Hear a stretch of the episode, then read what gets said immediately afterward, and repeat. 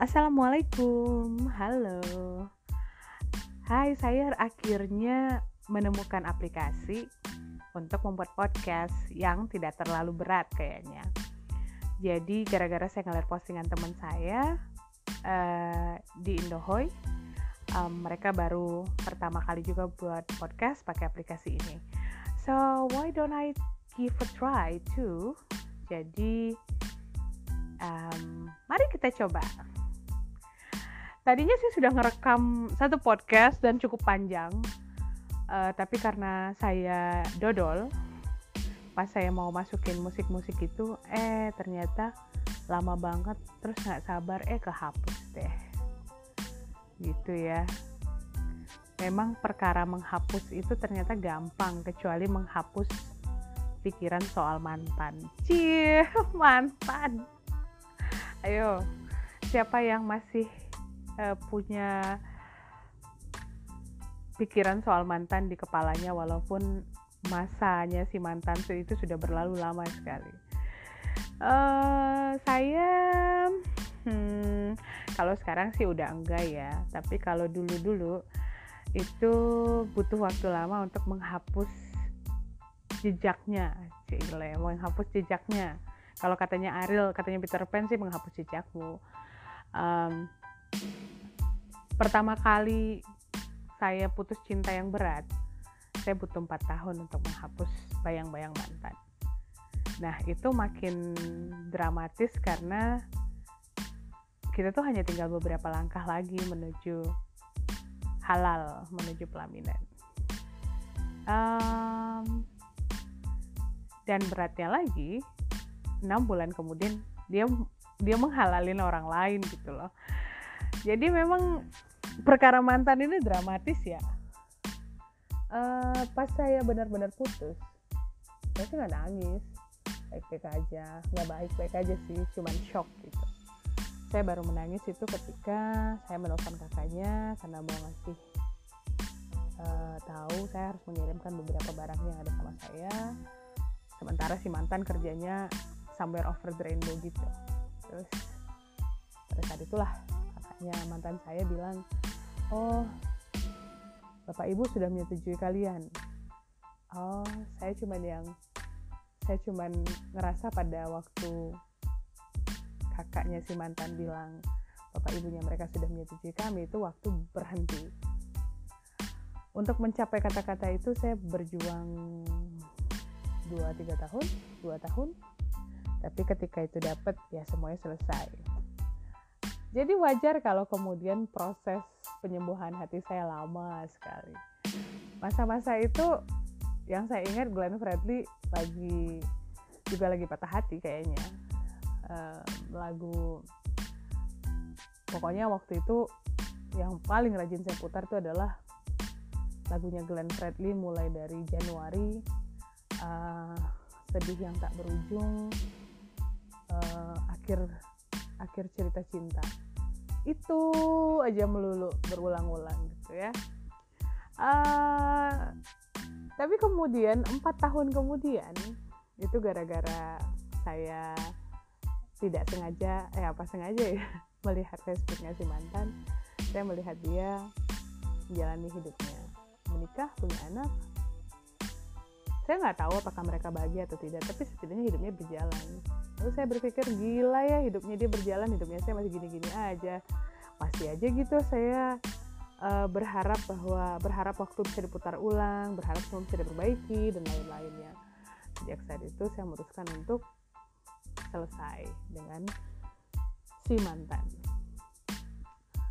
Dan baru setelah empat tahun itu juga saya bisa kembali berkomunikasi itu pun juga ala kadarnya um, ketika tapi ketika ketika usia usia saya menjadi jauh lebih tua dari ini ketika satu hubungan ketika saya dekat sama orang kemudian tidak tidak tidak berjalan dengan baik atau kemudian tidak berarah seperti berarah ke arah yang saya inginkan itu ternyata jauh lebih sulit karena ada harapan-harapan di dalamnya apalagi kalau udah melewati usia-usia normal orang Indonesia menikah ya. Semakin setiap kali ada yang deket itu berharapnya aduh semoga dia calon suami saya semoga dia semoga dialah uh, calon imam gue semoga uh, I hope uh, he is the right man dan sejenisnya. Uh, saya su juga suka berharap bahwa ada signal-signal yang mengindikasikan bahwa ya dia orangnya gitu. Tapi seringnya enggak sih. Terus kadang-kadang ya sebentar move onnya kadang-kadang ya lama. Tergantung sih saya suka orangnya atau enggak gitu. Dan lucunya kalau saya dikejar-kejar orang tuh saya malah malah lebih cepet ingin lari dari yang itu. Uh, belum lagi kalau misalnya tidak berjalan imbang artinya salah, salah satunya seperti saya berusaha terlalu banyak dia tidak ya saya malah lebih gampang melupakan. Nah terakhir waktu tahun lalu saya patah hati di usia matang gitu ya karena mantan karena mantan gebetan bukan mantan pacar. Itu ternyata memutuskan uh, mungkin bukan memutuskan tapi ternyata dia punya orang lain gitu. Itu juga rasanya sakit sih terus terang gitu.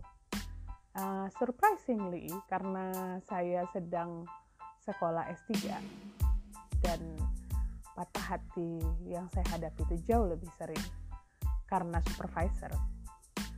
Um, ternyata butuh waktu yang tidak terlalu lama. Saya masih masih sih masih merasa bahwa kadang saya berharap bahwa pikirannya berubah, ada hal-hal yang bisa membuat kami bersama gitu. Apalagi saya dan mantan gebetan itu berada dalam satu lingkungan yang sama. Kan dan kemudian dia juga ingin tetap menjadi teman saya, yang kemudian tuh menjadi jauh lebih sulit. Tapi ya hidup tuh harus jalan ya. Hidup tuh harus berjalan gitu. Jadi kemudian ada yang bertanya sama saya berapa lama sih waktu yang dibutuhkan untuk berani memulai hubungan yang baru? Atau berani memulai berani mengambil langkah baru? Tidak ada tidak ada uh, ini ya tidak ada apa sih namanya? Tidak ada takaran yang jelas untuk itu. Semua tergantung pada kesiapan masing-masing. Nah masalahnya adalah kalau kita ngomong siap itu benar-benar nggak pernah siap. Kalau kita soalnya kalau kita ini masalah perasaan ya kalau kita suka sama orang tuh rasanya dia suruh kita lompat kita lompat gitu. Nah ketika melepaskan itu jauh lebih berat. Tapi uh, seperti yang saya lihat ketika saya melihat si mantan yang mantan yang saya ceritain tadi um, setelah itu saya jadi berpikir aduh bodoh banget ya empat tahun 4 tahun saya bergalau-galau, terharu biru, tidak bisa berpindah ke lain hati hanya karena merasa bahwa standar yang ia berikan, standar yang memperlakukan saya dan lain-lain itu sudah sangat sulit digantikan oleh orang lain dan lain-lain. Sementara pada pada saat yang sama um, dia sudah berpindah standar gitu. Jadi saya nggak sih gitu tapi itu pikirannya juga baru muncul setelah itu selesai. Ketika itu terjadi mah boro-boro saya hanya saya hanya sibuk bilang pada diri saya sendiri bahwa saya patah hati saya patah hati gitu. Uh, lalu kapan waktu yang tepat untuk uh, move on? Kapan waktu yang tepat? Itu hanya kita sendiri yang menjawab yang bisa menjawab. Jadi kalau misalnya saya bilang waktu yang tepat adalah sekarang tapi hati kalian nggak siap hati saya nggak siap ya nggak bisa gitu. Jadi harus disiap-siapkan harus dikuat-kuatkan uh, kebayang nggak sih ketika um, berniat untuk melupakan dan berpindah ke lain hati menata masa depan tiba-tiba satu WhatsApp masuk bilangin eh kamu apa kabar? Udah lama loh nggak minum kopi yuk minum kopi. Dan kemudian satu WhatsApp saja sudah bisa membuat tembok pertahanan yang kita yang kita dirikan setinggi tingginya untuk melindungi hati ini runtuh dan sekejap mata. Bener nggak? Bener nggak? Terus kemudian setelah membaca WhatsApp itu langsung ya aduh balas ya balas ya? Ada nunggu dulu lah nggak usah dibalas uh, kayaknya kok nggak keren amat langsung balas dikira masih ngarep dan lain-lain. Padahal hati padahal hati dan jari itu ingin segera membalas. Nah itu saya sudah mengindikasikan bahwa mungkin pada saat itu kita belum siap. Jika belum siap ya nggak apa-apa take time. Uh, take your time sorry take your time.